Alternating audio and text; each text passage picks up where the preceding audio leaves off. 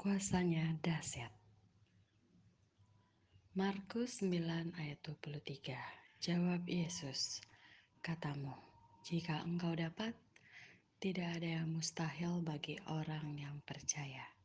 Sebagai orang yang percaya, kita perlu bersyukur karena memiliki Tuhan yang dahsyat, yang tak terbatas kuasanya dan maha sanggup melakukan perkara yang sangat mustahil bagi pikiran manusia. Kisah anak yang kerasukan roh sehingga dia menjadi bisu dalam Markus 9 ayat 18a. Dan setiap kali roh itu menyerang dia, roh itu membantingkannya ke tanah, lalu mulutnya berbusa, giginya bekertakan dan tubuhnya menjadi kejang. Dan akhirnya mukjizat pun terjadi seketika. Sewaktu Yesus memegang tangan anak itu dan anak itu pun bangkit. Di mana orang yang banyak memperkirakan anak tersebut sudah mati. Markus 9 ayat 26 sampai 27.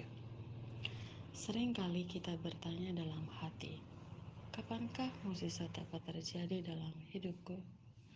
Atau dapatkah aku segera keluar dari masalah yang sangat berat ini?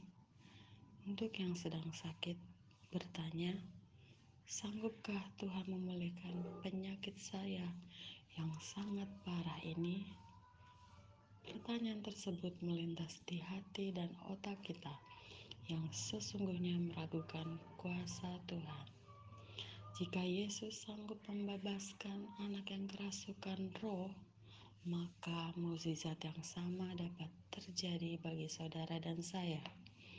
Bagian kita hanya percaya, karena Alkitab menegaskan Yesus Kristus tetap sama, baik kemarin maupun hari ini dan sampai selamanya.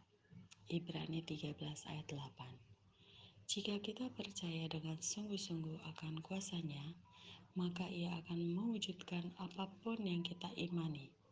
Kiranya dalam pergumulan kita, kita bisa terus bersandar kepada Tuhan dan bertekun dalam iman kita. Selamat beraktivitas, Tuhan Yesus memberkati.